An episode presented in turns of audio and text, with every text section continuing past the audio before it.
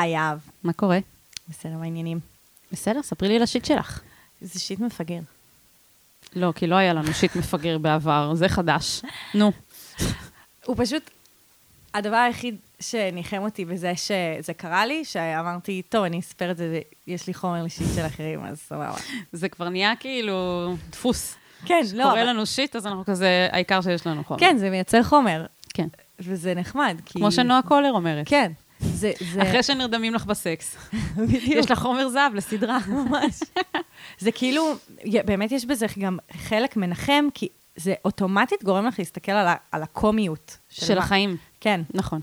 כאילו מאוד להסתכל על זה מהצד ולא ממש להתבוסס בזה. למרות שלקח זמן עד שהפסקתי להתבוסס כן. בשיט המפגר שלי, שאני הלכתי, אה, אני הייתי רעבה, שתמיד כל shit שלי מתחיל בעצם ברעב, והלכנו לאכול, אני והדר הלכנו לאכול, אה, לחטוף משהו אה, מתחת לבית שלנו, והלכנו למקום שאני לא אגיד, אבל כולם מדברים, כמה טעים שם, כמה טעים שם, אבל הייפ, כזה, ותור היסטרי.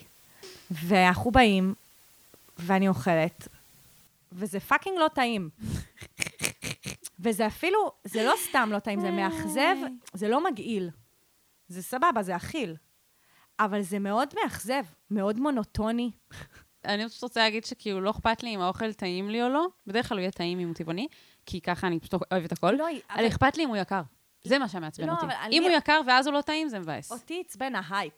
כאילו כזה, "כולם- מדברים, כולם מחכים בתור, כולם זה. זה כמו אני וקרמבו. מה כל ההייפ? זה מגעיל. מה יש לכם? כל לא, העולם זה לא אותו דבר, והקרמבו. כי זה לא נדרש ממך כל כך הרבה מאמץ כדי לקנות את הקרמבו. נכון. אני לא יכולה להסביר לך את כמות הפעמים שעברתי שם ליד, ולא והיה כל רצית כך- להיכנס. והיה כן, כל. כך הרבה תור, שאמרתי, טוב, אני אוותר על זה, אבל אני חייבת פעם לנסות. אני חייבת פעם לטעום. מה, מה כולם, כולם כל כך מחכים פשוט כל הפרצוף הזמן. שלך, זה משלים את ה- את הסצנה, כאילו. ואז כאילו הייתי כזה, על זה בלבלתם את השכל? אז אה, זהו, זה השיט שלי, הוא לא חשוב. אה, אך הוא מבדר. יש בו, פעם הבאה שאתם יש שומעים בו הייפ, רמה מסוימת של קומיות, לא? כן, זה גם קורה לי, נראה לי, מלא אנשים. זה כאילו, זה נכון. עניין כזה שקורה. אני חושבת שאתם נותנת את תלמדו מזה. הקול, את הקול של האנשים ש- סיוון, את שסובלים ממש, את קולו של דור. קולו של דור שמחכה יותר מדי זמן בתור. אוקיי. הפורמט שלנו הוא שאתם כותבים לנו אה, פניות אנונימיות על השיט שלכם, על הבעיות, על הסוגיות בחייכם. אנחנו מקריאות את הפניות ואנחנו נותנות עצות מעולות, וככה אתם יכולים להימנע. זה מצחיק. מעולות. מעולות. לדעתך, לדעת כולם. כן, וככה אתם יכולים. וככה אתם יכולים לחיות חיים מאושרים ולא לעמוד בתור מלא זמן למסעדה שאחרי זה היא גרועה. לגמרי, לגמרי. בעיקר פחות לבד. כולנו פחות לבד בזכות הפודקאסט הזה, שזה הכי חשוב. נכון. אז נתחיל? יאללה, נתחיל. אני ממש צריך עצה. אני ממש צריכה עצה.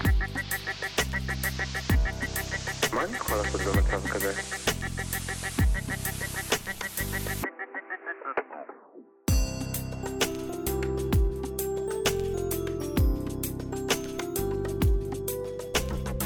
שיט של אחרים. צ'רצ'יל קלפטר, בן 27. אני שונא את אשתי כשהיא במחזור. נשוי שנתיים באושר ואוהב את אשתי מאוד, באמת. אבל בכל חודש כשמגיע המחזור, אשתי הופכת לדבר שאני לא מצליח לאהוב. היא עצבנית, פסימית, מתלוננת על אינסוף דברים, מאוד שיפוטית כלפיי, ונראה שהיא מחפשת על מה לריב. אני מרגיש שהיא נהיית הדבר הכי הפוך מהאישה האמיצה, הפיקחית, וטובת הלב שהיא בדרך כלל, ושאיתה בחרתי להתחתן. אני חושב שבגלל שיש לי אופי מאוד יציב, בסוגריים זה לא אומר שאני מושלם, אלא שרמת אי השלמות שלי לא משתנה לפי מצבי רוח, רעב ועייפות, סגור סוגריים, קשה לי להבין ולסבול את השינוי הזה. מצד אחד אני רוצה להיות בן זוג תומך ולהכיל את מצב הרוח הזה. מצד שני, לפעמים אני מרגיש שפשוט לא מגיע לי לקבל יחס כזה מאף אחד, ובטח לא מהבת זוג שלי. בפועל, כמעט בכל מחזור די מהר אני לא מצליח להיות תומך ומכיל, ואנחנו רבים ריב מפואר שעושה רע לשנינו. נראה לי שאם תהיה לי נקודת הסתכלות מיטיבה על מה שעובר עליה בימים האלו, יהיה לי קל יותר לקבל אותה, ולכן גם היא תרגיש יותר בנוח.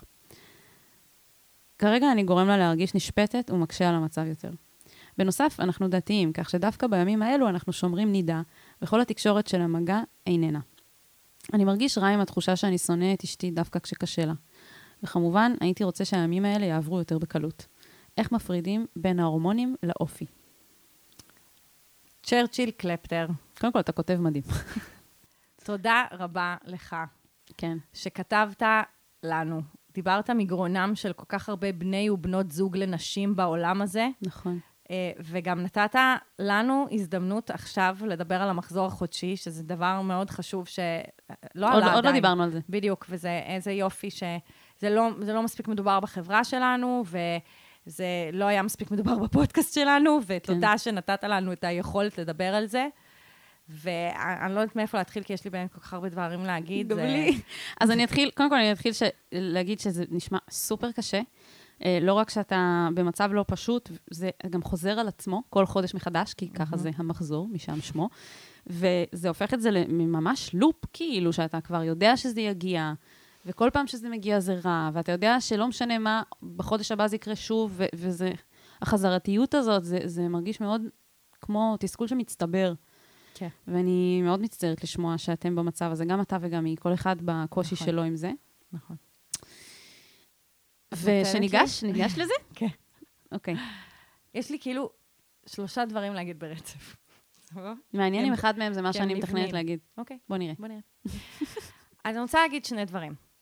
אחד, לא מגיע לך שיתייחסו אליך לא יפה בשום מצב. נכון.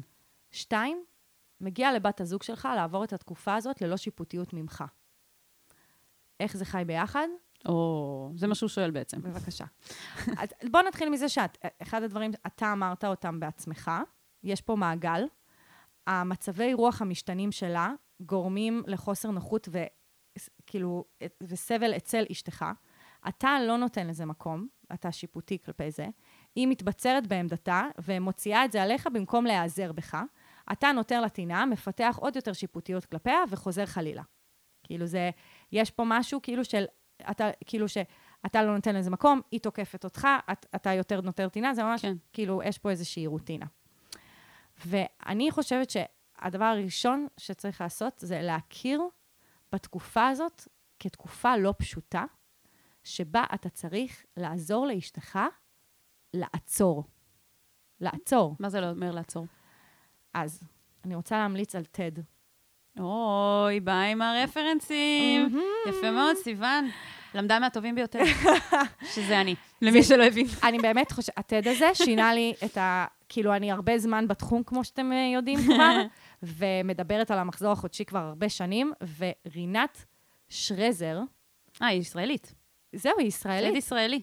זה טדיס, אבל היא, ב, כאילו, כמובן זה באנגלית, כן? אה, וואו, היא כן. גדולה, היא ביג. כן, היא, היא זה באנגלית, וזה, וואו. אני לא, כאילו, ראיתי את זה, לא הבנתי שהיא ישראלית, אבל ככה קוראים לה, קוראים- קוראים לה רינת. אוקיי, היא אומרת דבר מטורף. היא אומרת שאנשים בחברה שלנו פועלים כמו זרעים ולא כמו ביציות. גם נשים וגם גברים פועלים כמו זרעים ולא כמו ביציות. מה זה אומר? אוקיי. זרעים חותרים קדמימה ומתקדמים כל הזמן בלי לעצור עד שהם מגיעים למטרה. הם משימתיים, הם, אה, הם תחרותיים, הם, הם חותרים, כאילו זה, זה המסלול, ככה זרע, ככה זרע מתנהג, אוקיי? ביצית, יושבת מחכה. איך היא מתנהגת? היא, היא פסיבית, ואם אתה לא בא, ביי. לא, היא, לא, היא לא פסיבית, אבל היא, יש משהו, יש משהו ב, בכל התהליך של המחזור החודשי, שיש כאילו רגע של אה, עצירה, התכנסות, היא, היא מפרקת את זה ממש יפה. אני לא רוצה וואו, כאילו... אתה רוצה לעשות ספוילרים? ליותר מדי ספוילרים, אני מחלקת את זה כאילו ל... לארבעה חלקים, שיש רגע, יש חלק של אה, כאילו, של אה, מוות, ויש חלק של פרידה, ויש חלק, Mm, כי זה בעצם לידה כל הנושא... מחדש. כן, בדיוק, שזה מעניין. כאילו המחזור, שזה כל ה... כאילו ההתפרקות של רירית הרחם Mm, וכולי וזה. כן. ומה היא אומרת, באופן כללי, כן? שנשים מתנהגות כמו זרעים, כי החברה שלנו מתנהגת כמו זרעים. ואז מה קורה? נשים צריכות לעצור, כי, כי קורה משהו מטורף בגוף שלהן. כלומר, יש היפרדות של רירית הרחם מהרחם, ויש כאילו, וקורים המון דברים, וההורמונים משתנים, ויש המון שינויים בגוף שלי, ואני מצופה להמשיך ללכת לעבודה, להמשיך לתפקד, להמשיך להמשיך לעשות מלא להמשיך משימות, להמשיך להיות אימא, להמשיך כן. להיות זה, ואני לא נותנת לגוף שלי. אני לא נותנת לו. זה נשמע כאילו אה, אנחנו מנותקות ממה שקורה בגוף, כי התרבות שלנו היא בדיוק. מנותקת מהגוף של האישה. בדיוק. עכשיו, היא אומרת, יש את האוהל האדום, מכירה את מהמם. הספר? כן. שכאילו מדבר על זה שפעם הייתה תקופה שבה נשים היו מתכנסות כן. ביחד באוהל, וכאילו חוגגות את המחזור שלהם, את הווסת. ביחד, אה, זה חשוב להגיד, וסת זה הזמן שיוצא אדם, ומחזור מדבר על כל החודש. כן. אבל הסלנג זה כאילו מחזור וסת, לא משנה, אבל הן חוגגות את הווסת שלהן, וכזה נותנות מקום לווסת שלהן, וכזה מהמם. נחות ומתחבקות ומתרפקות, גם בתרבות האתיופית יש את זה. ונכון, יש את זה, ממש ב- עשו את זה עד שהם עלו לארץ, ככה הם היו... זה, זה, זה היה התרבות. כאילו, ואז מה שקורה זה שנשים חיות בדיסוננס. הן בווסת, כואב להן, קשה להן, הן- יש שינויים הורמונליים, יש שינויים במצב רוח, והעולם מסתכל עליהם ומצפה שהם ימשיכו לחתור. שהם ימשיכו להיות חלק מהמערכת הקפיטליסטית. כן, כן. בדיוק. שאין לזה מקום, כאילו, אין לזה מקום לקחת יום מחלה פעם בחודש בגלל שאת, אה, נכון. שאת לא מרגישה אני, טוב אני בגלל באמת, אני לא, הווסת. אני לא מצליחה לתאר לעצמי מה עוברות נשים שיש להן באמת כאבים יותר אה, חזקים ממני. איך הן מצליחות לתפקד? שיש להם אנדו, אנדומטריוזיס. כן, כן. קשוח. יכול להיות גם ש... גם יכול להיות שיש משהו, אה, אתה מתאר פה שינויים מאוד מאוד קיצוניים. כאילו, אתה, אתה מתאר שהיא ממש נהיית בן אדם אחר ממי שהתחתנת איתה. כן. אז קודם כל, באמת, יכול להיות שיש משהו ש, ש, ששווה לבדוק. לא, לא שאני אומרת שאם מישהי, המצב רוח שלה רע במחזור, זה אומר שמשהו לא בסדר איתה, אבל כאילו, אני, אני חושבת שזה קורה. אני חושבת שמה שקורה זה שמאוד כואב לה ומאוד קשה לה, והיא לא יודעת, היא לא, היא לא יודעת, היא לא מרגישה שהיא יכולה לבקש עזרה. mm, היא צריכה חיבוק. היא צריכה כן. אהבה, היא צריכה רוך, היא צריכה חום, היא צריכה שמישהו יעזור לה לקרבל את עצמה לתוך הפוך, כן. ויהיה אמפתי וזה. אבל בגלל... וזה מאוד קשה לתת את זה כשאתה מרגיש מותקף. בדיוק. כן. ואני חושבת שהיא לא תתקוף אותך אם תיתן לה מקום לעצור. כאילו, זה, Mm. זה, המ- כאן עוצרים את המעגל. Mm, כאילו, לא תהיה ציפייה שהיא תתפקד, לא תהיה ציפייה שהיא תהיה כאילו הוונדר וומן האמיצה שאמרת שהיא ב- ביום-יום שלה, אלא יהיה לה מ- הרשאה משניכם, גם מעצמה, כי גם, ברור לי שגם לעצמה היא לא נותנת את זה. באמת, תראו את הטד הזה, אני כאילו ממש ממליצה עליו.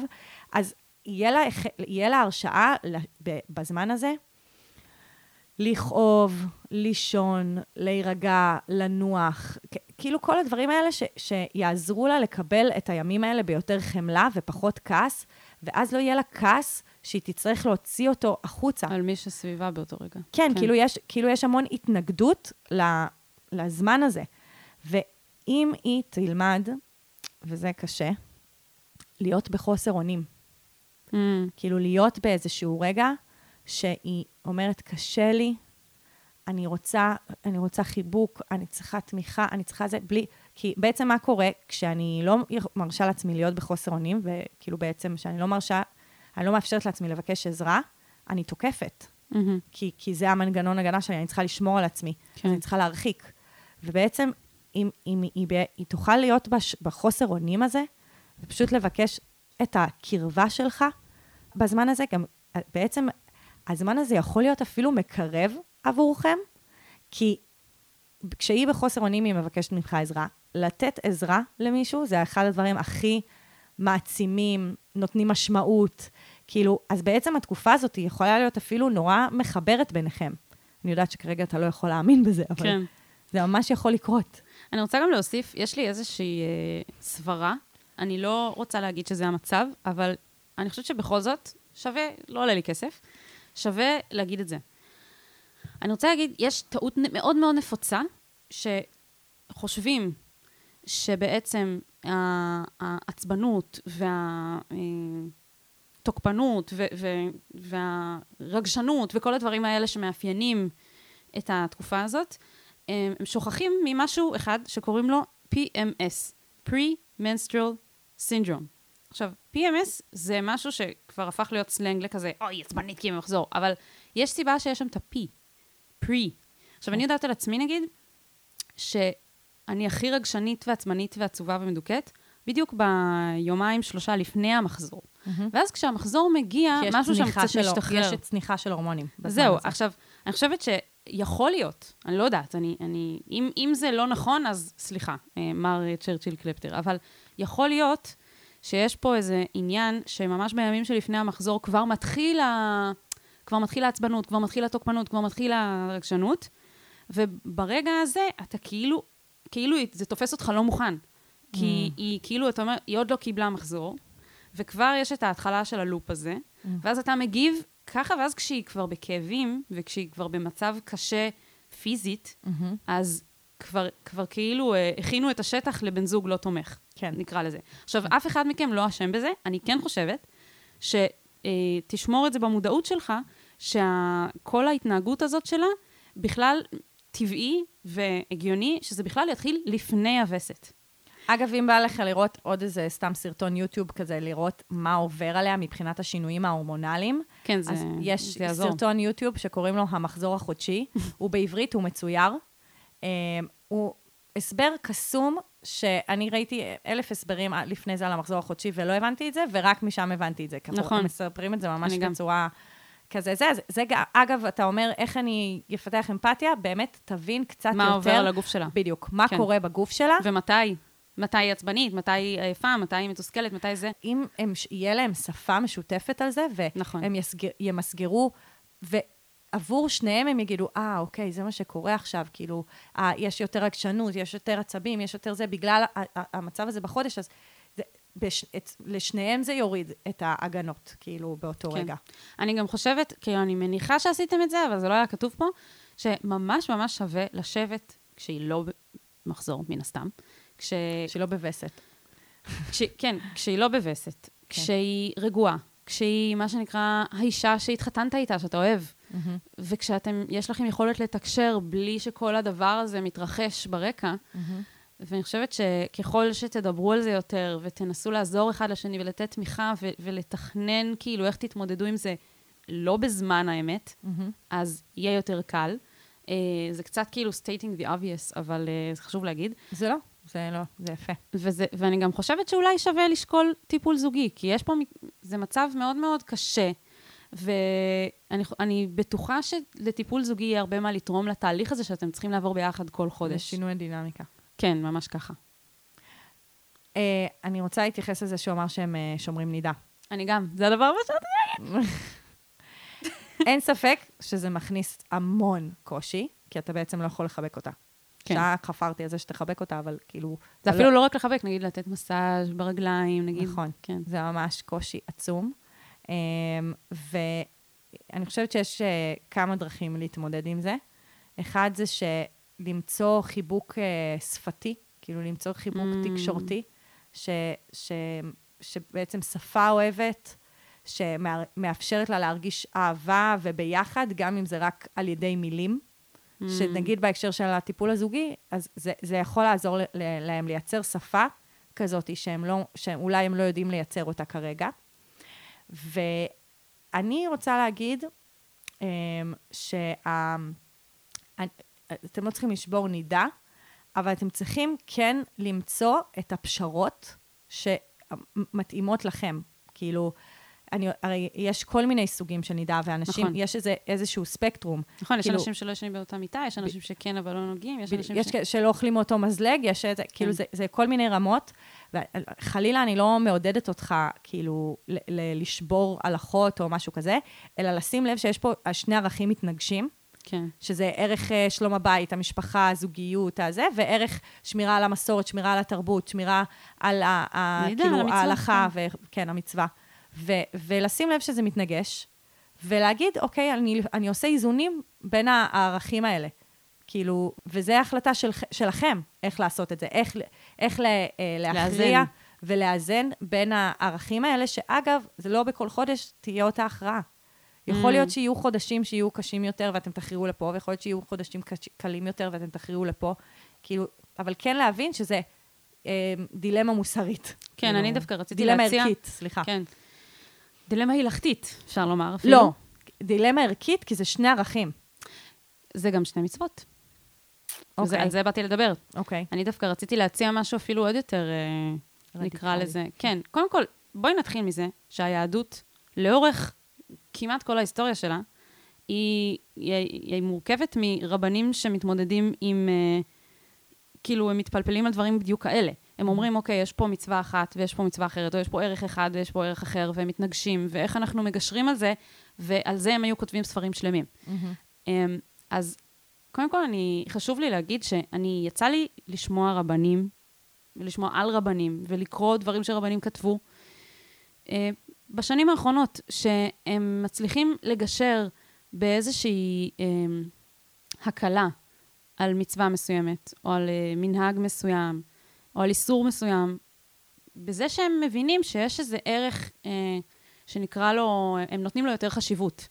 עכשיו, במקרה של ערך המשפחה ושלום בית, זה דברים שאני באמת חושבת שיש לפחות כמה רבנים בישראל, שאם תיגשו אליהם עם, ה, עם הסוגיה הזאת, ותשאלו אותם כאילו איך אנחנו מגשרים על זה, אני חושבת שיהיו כאלה שיגידו, אני בתור רב אומר לכם שלתת לה חיבוק בזמן הנידה, בגלל שזה מה שיציל את השלום בית שלכם, זה לא רק בסדר, זה חובה, וזה לא נקרא לשמור נידה, כי זה פיקוח נפש, כאילו.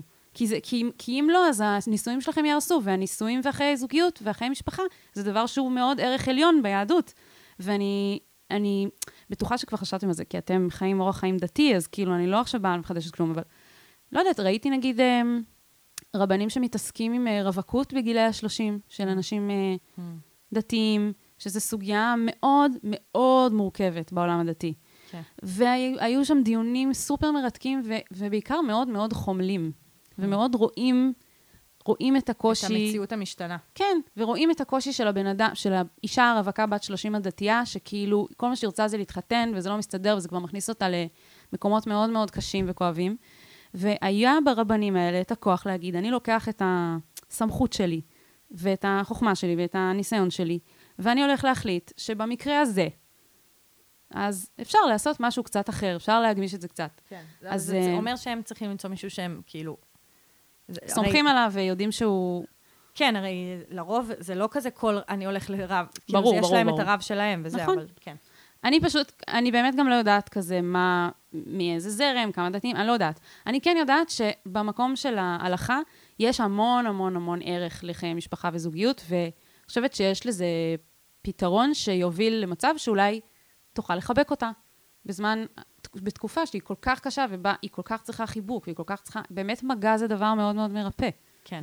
אמ, וזה לא חייב להיות מיני, כלומר, הנידה בבסיס שלה זה עניין של אה, למנוע מגע מיני, אז כאילו, כן, כששמים את הגבולות כמו שצריך, לא יודעת, אולי יש לזה פתרון ברמה הזאת. נכון. רק רציתי... וגם באמת יכול להיות שיש לה אנדו.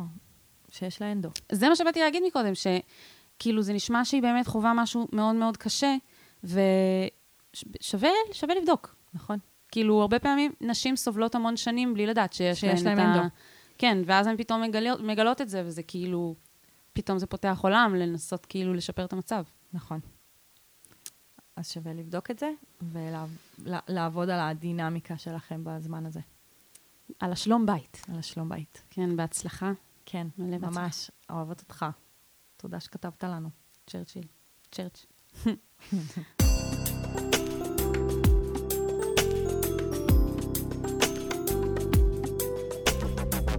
של אחרים. רג'ינה פלנג'י, בת 22. זאת, אה, זאת, זאת פיבי. אה, את לא רואה Friends. יאללה, יאללה, נו. את לא יודעת מי זאת איי. סראבי, תגידי לי. אשתו של מופאסה, איך אפשר לשכוח? וואי, הכי שולי ever. מה הכי לא שולי? לא, אבל זה שם לא מוכר, בואי. יאללה, יאללה. רג'ינה פלנג'י זה מעולה. כל שנותיי בבית הספר השקעתי בלימודים, ובתמימותי הייתי בטוחה שכל הדלתות פתוחות, ואוכל להתפרנס בכבוד בגיל מוקדם. לא הקדשתי הרבה מחשבה לכיוון שאלך אליו. מתמטיקה זה היה המקצוע שאני הכי מחוברת אליו, ובזמן הסגר עושה בו כמה קורסים באוניברסיטה הפתוחה. הדיוק והמופשטות גורמים לי להרגיש בבית, וכאילו מדברים בשפה משותפת משלנו. אבל, אני לא רואה את עצמי עובדת במה שהתחום הזה יכול להציע, ולא באמת אוהבת ומתעניינת בזה. למעשה, אני לא רואה את עצמי עובדת בשום מקצוע. עשיתי כבר שלושה אבחונים תעסוקתיים, עשיתי כל מבדק, שמעתי כל פודקאסט, החלפתי עבודות, דיברתי עם אנשים, יצאתי עם מסקנה שאף אחד לא יודע כלום ולא יעזור לי, ופי עשר יותר בלבול. זה נהפך לאובססיה. אני מבזבזת המון שעות על חקירת מקצועות, ותמיד כלום לא מעניין אותי. המחשבה הזאת מעסיקה אותי יותר מדי, מגבירה דיכאון שאני סוחבת בלי קשר, ואני מפחדת לבזבז את שנותיי היפות על הסטרס הזה. אני עדיין לומדת, ועם כמה שזה מעסיק את המוח, ברגעים שאני עוצרת ונזכרת שאין משמעות לכל זה, אני נהיית עצובה. פשוט אין לי רעיון למשהו טוב יותר לעשות עכשיו. אני עומדת בדילמה אם להפסיק את הלמידה לגמרי כדי לא לעשות דברים קשים בלי משמעות, או לסיים עם מה שהתחלתי ואולי זה יעזור בעתיד. ואם אבחר לוותר, מה אוכל לעשות בשביל לצאת מהמרוץ המבאס הזה? תקשיבי, כל הפנייה הזאת שמעתי רק דבר אחד. היא שמעה כל פודקאסט, ואנחנו המוצא האחרון. את יודעת איזה מלחיץ זה? היא שמעה כל פודקאסט, ועכשיו היא שומעת את שלנו, זה אומר שאנחנו הפודקאסט, כאילו. זהו. הפיינל פור. אנחנו חייבות לתת תשובה שתעזור. זה הכי מחמיא, כאילו. כן. שמעתי כל פודקאסט, ואז פניתי אבל אליכם. בדיוק. זה לא עזר, זה לא עזר, לזה לא עזר, עכשיו אני זה. אה, אגב, אה, שמעתי, טוב, זה בחלק הפרקטי, קודם אה, ניתן, רגע. ניתן. מקום. ניתן מקום. אז לגבי המקום. כן. אחר כך אני אגיד על פודקאסט שאני ממליצה. סבבה. כי אני מרגישה שיש עלי לחץ לפתור את זה. אמ, תראי, סורי, כאילו, שאני מרגישה שאני כאילו לא נותנת אמפתיה למצב, אני פשוט חושבת שוואו, כאילו, את מצאת משהו שאת באמת אוהבת לעשות. ככה זה לי נשמע, כאילו, אמרת שאת גורמת, המתמטיקה היא גורמת לך להרגיש בבית, ואת מחוברת אליו, ואת עושה כמה קורסים באוניברסיטה בזמן סגר, כזה, וואו. אמ, אני חושבת שאפשר להגיד לך, מזל טוב, התקבלת לאקדמיה. כלומר, זה מה שאנשים עושים כשהם נורא נורא אוהבים את הנושא שהם לומדים אותו, אז הם יכולים פשוט להמשיך בתארים מתקדמים ולהמשיך לחקור אותו לנצח, וזה נשמע כאילו ממש כיף לך ללמוד מתמטיקה, אז, אז למה לא נכון. להמשיך, נגיד, כן. כאילו זה, אני מדבר, אני נשמע כאילו אני אומרת משהו פרקטי, אבל אני לא, אני אומרת, תקשיבי, יש לך משהו שממש עושה לך טוב, קחי אותו כן. בידיים ותרוצי עם זה. כן. כאילו, עזבי את כל האבחונים וה... את לא צריכה את זה, את, את, את אוהבת מתמטיקה. ברכותי- ברכותיי.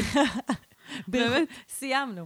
סתם. לא, זה, זה כאילו מדהים. זה באמת פשוט נשמע שהעיסוק במה היא תעשה הפך להיות העניין במקום השאלה והבירור העצמי. כאילו יש... מה עושה לי טוב? כן, כאילו יש שם משהו שהפסקת להקשיב לעצמך והתחלת להקשיב לכל הדיבור על. על כזה, מה עושים עם זה? כן. נכון, יש את השאלה הזאת, אז מה למדת, מה עושים עם זה? כן. אז נגיד, אני תמיד הייתי עונה, כאילו, אני למדתי פילוסופיה של המדע התואר שני, סבבה? אז בואי תדמייני לעצמך כמה פעמים שאלו אותי מה עושים עם זה. וכמה פעמים אני עניתי, ממשיכים לחקור את זה. כי זאת האמת, כי זה באמת עניין אותי, ואני הלכתי לחקור את זה כי זה עניין אותי. כן. ואז, אה, אם הייתי רוצה, הייתי יכולה גם להמשיך בדוקטורט. כן. וכאילו, אם זה היה עושה לי טוב כמו הדברים שהיא מתארת, אז כנראה שגם הייתי עושה את זה, והיום היית מדברת עם דוקטור יהב ארז. אבל, אבל זה לחיות בסרט, כי בחיים לא הייתי מסיימת דוקטורט בשנתיים. בכל מקרה, מה שאני באה להגיד זה שכאילו, את מדברת על קריירה, אבל קריירה אקדמית זה גם קריירה. כאילו, למה, אני, אני כאילו שואלת את עצמי למה זה לא בא בחשבון. אני, אני רוצה להגיד יותר מזה, שנייה. כאילו, שנייה יהב, שנייה עם כל לא, הפרקטיקה. לא, יותר מ... לא, זה לא הפרקטיקה, זה פשוט, אנחנו קופצות מלא שנים קדימה, ואני באמת רוצה להגיד שאת לא באמת צריכה להחליט מה תעשי נכון. בחיים עכשיו. אני באמת חושבת שחלק, ש, ש, ש, ש, שזה החלק הכי משמעותי שמעכב אותך. נכון. בגלל שאת חושבת עשור קדימה. יותר חשוב שתעקבי אחרי מה שעושה לך טוב עכשיו. לגמרי. זה אשכרה, את, את אשכרה אומרת שאת לומדת, נהנית, ואז מתעצבת אחרי זה, כי את אומרת שלא יהיה לך מה לעשות עם זה בעתיד. אבל את עכשיו נהנית, זה הדבר הכי חשוב. זה מה שחשוב, זה כן. מה שצריך להוביל אותך. כאילו, זה, לעשות תואר במה שמעניין אותך, זה, זה, א', זה החלום של כולם. לגמרי. כאילו, זה ממש הזה. ובאמת את אולי תרצי, אני חושבת שכל שלב הוא יהיה הלמידה שלך. כלומר, את, את תעשי, יהיה לך נעים, יהיה לך טוב, סבבה. את תרצי לשנות, את תמצאי משהו אחר שמגרה כן. אותך, שמעורר אותך, אז את תלכי לשם. כאילו, זה חקירה בלתי נגמרת. זה, וגם, דיברנו על זה גם באיזה פרק אחר, אבל זה שאני אצהיר שבעוד עשר שנים אני אהיה ככה וככה, אף אחד לא אומר שאני באמת אהיה ככה וככה. נכון. אז זה, זה, לפעמים זה משרת לאנשים איזושהי מסגרת, זה נותן לאנשים כוח, זה נותן לאנשים תוקף, אבל זה לא באמת אומר שזה מה שהם יעשו. אז תשחררי את, את, את, את הדבר הזה של כזה, מה תעשי כשתהיי גדולה? תעשי את הדבר שאת, שעושה לך טוב היום. גם בגלל כל ההתעסקות על ה... אז את, את גורמת לזה שלא יהיה לך, שלא טוב, כאילו בעצם לא טוב לך היום. אבל אם כן. שנייה ת, ת, תורידי, כאילו תעצרי את המחשבות של מה תעשי עם זה בעתיד, תשימי לב שטוב לך עכשיו. גם אני חושבת שכשאנשים עושים מה שהם באמת אוהבים, אז הסביבה רואה את זה וגם מתגמלת אותם עבור זה. נגיד, אני מכירה מישהו שלמד תואר במתמטיקה, וכאילו לא היה הסטודנט הכי, לא היו לו את הציונים הכי טובים, הוא היה גם לפעמים נכשל במבחנים, זה הוא- כאילו, זה, זה דברים קשים, כן? כן. ואני כן זוכרת שהמרצים, שהוא היה מספר לי שהמרצים מאוד מעריכים אותו, כי הם רואים כמה הוא באמת אוהב את זה. וזה, וזה מאוד מרגש אותם בתור מי שמלמד אותו. Hmm. ואני חושבת שהם גם פרגנו לו על זה, וגם הדרך לבן אדם שבאמת אוהב את מה שהוא עושה, היא, היא מאוד, uh, כשיש ממונים עליו, שגם אוהבים את זה, אני חושבת שכאילו, ייתנו לך את ה... יפרגנו לך, תמשיכי לעשות מה שאת אוהבת, אנשים יראו את זה ויגיבו בהתאם, ואני גם חושבת, זה קצת כאילו יומרני להגיד אולי, אבל אני חושבת שבתור אישה, בתחום שבדרך כלל נשים לא הולכות אליו, אז יש לך איזשהו יתרון. כי כן מאוד רוצים שנשים ילכו לתחומים האלה, ורוצים לתת להם את לקדם. ההזדמנות. ויש תוכניות, ויש מלגות, ויש, ויש גם, אה, לא, לא כולם, כן, אני בטוחה שגם קשה להיות בתחום הזה בתור אישה, כשאת כאילו בטח נכון. אה, מוקפת בגברים, ויש בזה גם דברים שהם לא קלים, אבל אני חושבת שבעולם של היום, יש אה, איזשהו יתרון בלהיות אה, אישה בתחום המתמטיקה. במיוחד אם את באמת כל כך אוהבת את זה, אז כאילו, עלי והצליחי, זה מה שיש לי להגיד. כן, אני גם רוצה, אמרת שכשאנשים עושים דברים שהם אוהבים, העולם מתגמל אותם על זה, כן. אז אני אפילו אקח את זה צעד קדימה, ואני רוצה להגיד שלפעמים הכסף מסתדר. כאילו, נכון. היא, היא אמרה משהו על זה שהיא, שהיא תוכל להתפרנס בכבוד בגיל מוקדם. וכאילו, אני רוצה להגיד ש... זה, זה לא שהוא מסתדר בצורה קוסמית, אבל כשעובדים ומשקיעים במשהו ופועלים מהלב, זה הרבה פעמים מתגמל אותך. נכון. שוב, אני, נגיד, אני עובדת במשהו שאני אוהבת מאוד, והפשן שלי נמצא בו, אני לא עשירה כקורח, אבל אני מצליחה להרוויח את מזה לא מה? כסף. לא עשירה כקורח. אה. כאילו, אני לא איזה כאילו מיליונרית בגלל שאני עושה את מה שאני אוהבת, אבל אני ממש מצליחה להתפרנס מזה, כי התשוקה שלי שם ואני כל הזמן מניעה. ואת כאילו, גם, את גם אה, כאילו מתמידה ומתעסקת, ואנשים, בדיוק. אנשים כאילו, כשאת תתמידי ותתמידי ותתמידי, אז כזה, לא יודעת, פתאום יזמינו אותך להרצות בדבר הזה, פתאום, נכון. כאילו, אה, תל- תלכי זה יבוא לעבוד בארגון הזה. ממקומות אחרים. בדיוק, ואני חושבת ש... וואי, מה באתי להגיד? אה, דודה שלי פעם אמרה משהו ממש יפה על זה. היא כתבה איזה ברכה בפייסבוק לבן דוד שלי, ואז היא רשמה, אה, הבן שלי הוא האיש הכי עשיר שאני מכירה. Mm, ואז היא אמרה, הוא עשיר בחברים, והוא עשיר באהבה, והוא עשיר... וזה נורא יפה, כי אם את עושה את מה שאת אוהבת, אז את עשירה. וכאילו, גם אם את לא ממש. מרוויחה הרבה כסף, יש שם אושר בחיים שלך. נכון. וכמובן שזה חשוב להתפרנס. אני גם מאוד מבינה, אני חייבת שנייה רגע להגיד, disclaimer. כן. כאילו, גם אני וגם את באות מבתים ש... אוקיי, זה לא עכשיו דאגה קיומית שלא נתפרנס בגיל 23, כאילו, אש. נכון. ואני יכולה מאוד להבין ש... אני לא יודעת מאיזה בית היא מגיעה, אבל יש אנשים שמגיעים מבית שזה לא כזה מובן מאליו להתפרנס, ושמאוד דואגים שתהיה פרנסה, כי אם לא, אז כאילו יש איזה פחד קיומי. כן. ואני מאוד מכבדת את זה ונותנת לזה לגיטימציה, ולפעמים אנשים, כשגדלים בבית כזה, לא מרגישים שיש להם את הזכות לגיטימציה, כן. ללכת ולעשות רק מה שהם אוהבים, נכון. אם זה לא מכניס מספיק. אז אני נכון. יכולה להבין את זה. אז אני רוצה להגיד על זה שאני חושבת שבימינו אפשר לעשות כסף לא רק מהעבודה המרכזית שלך, אלא את, אם את כל כך טובה במתמטיקה, אז אולי את מהצד תוכלי לפעול בצורה חכמה, כאילו, Mm. בגלל שהמתמטיקה היא כלי, היא כלי לחיים. אני אומרת שאת יכולה להשתמש בכוח, שה, בחשיבה האנליטית שהחש, שהלימודים נותנים לך, ולתרגם את זה במקומות אחרים שיכניסו לך כסף. אפילו, לא יודעת מה, בנדלן, ב- בלהבין כמה את מוציאה וכמה את מכניסה, בלחשב הוצאות, בלהיות חכמה בה עם הטבלאות אקסל שלך. אני לא יודעת, כאילו, באמת. אבל את, בסוף, כש... ואני אומרת את זה, זה, זה לא קשור רק למתמטיקה. כשבן אדם עושה תואר, כאילו תואר אקדמי, הוא מרחיב את רמת ההשכלה שלו, ויש לזה אדוות בעוד חלקים בחיים ואת שלו. הכישורים שלו. בדיוק. כן. נגיד, אני חושבת שזה שלמדתי עבודה סוציאלית, גורם לי גם, גם יש לזה פוטנציאל שאני אהיה אה, אימא טובה יותר. זה Mm. בכלל לא קשור, לא, למד, לא הלכתי ללמוד, אה, לא הלכתי לבית ספר להורים, אבל הלימוד, כאילו ללמוד על טיפול וללמוד על, אה, כאילו... אמפתיה ודאגה. בדיוק, כן. יכול לתת לי כאילו פור בהקשר הזה.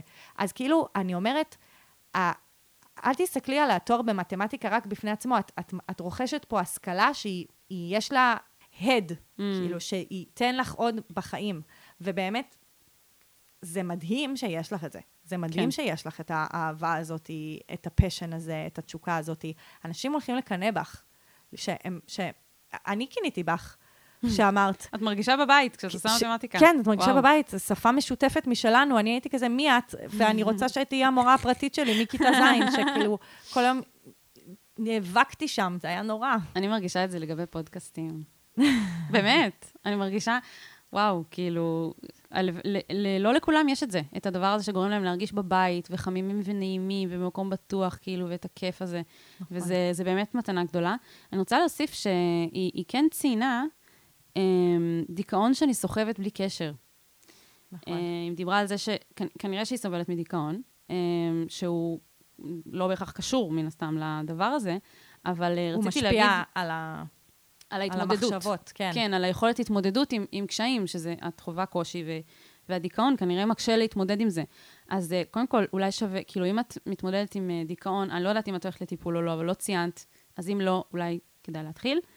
אה, ולגבי ה- העניין של המשבר האקזיסטנציאליסטי, אני חושבת שזה מאוד אופייני לאנשים שלומדים מתמטיקה, אה, ושזה קשור אחד לשני, כי יש משהו מאוד, יש איזשהו משבר קיומי שיכול לבוא מללמוד את המקצוע הזה, כי הוא יכול להכניס לבלבול, ול, והרבה מתייחסים במתמטיקה לעניינים של היש והאין והחוסר משמעות והמשמעות.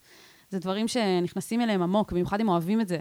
וזה נראה לי טבעי ו- ואופייני לתחום, ויכול להיות ששווה כאילו לחפש אה, פורומים, מעגלים, מקומות שבהם אנשים שהם מאוד אוהבים מתמטיקה, חובבי מתמטיקה, משתפים אחד את השני בחוויות שלהם, כי אני חושבת שאת לא הבן אדם היחיד שחווה את הדבר הזה, מהמם. ואני חושבת, אני גם באמת חושבת שזה קשור לאנשים ש, שלומדים את התחום הזה.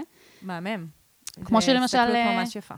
כן, כמו שלמשל אה, את עובדת סוציאלית, ויש לעבודה סוציאלית קושי מן הסתם בכל מיני צורות.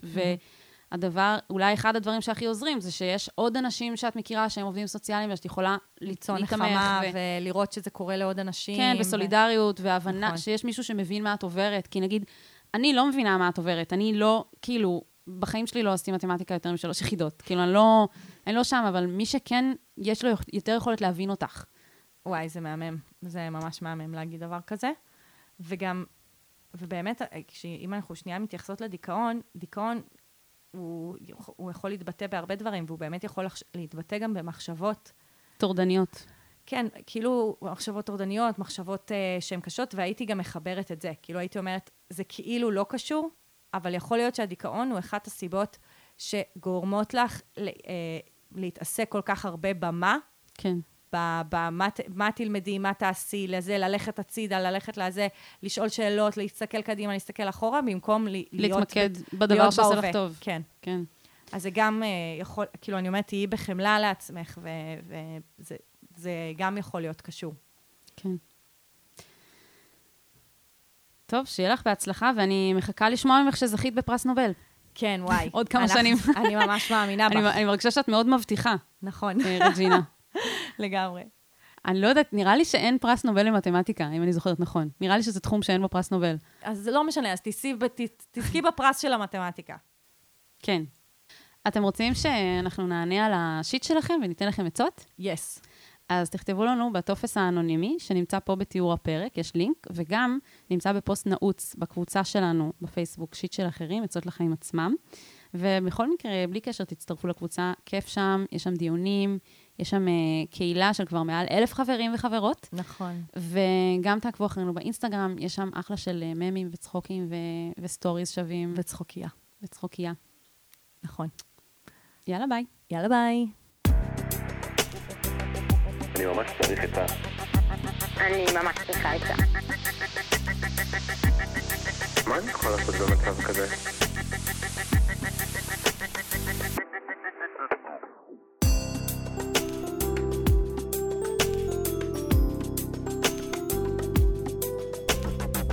של אחרים.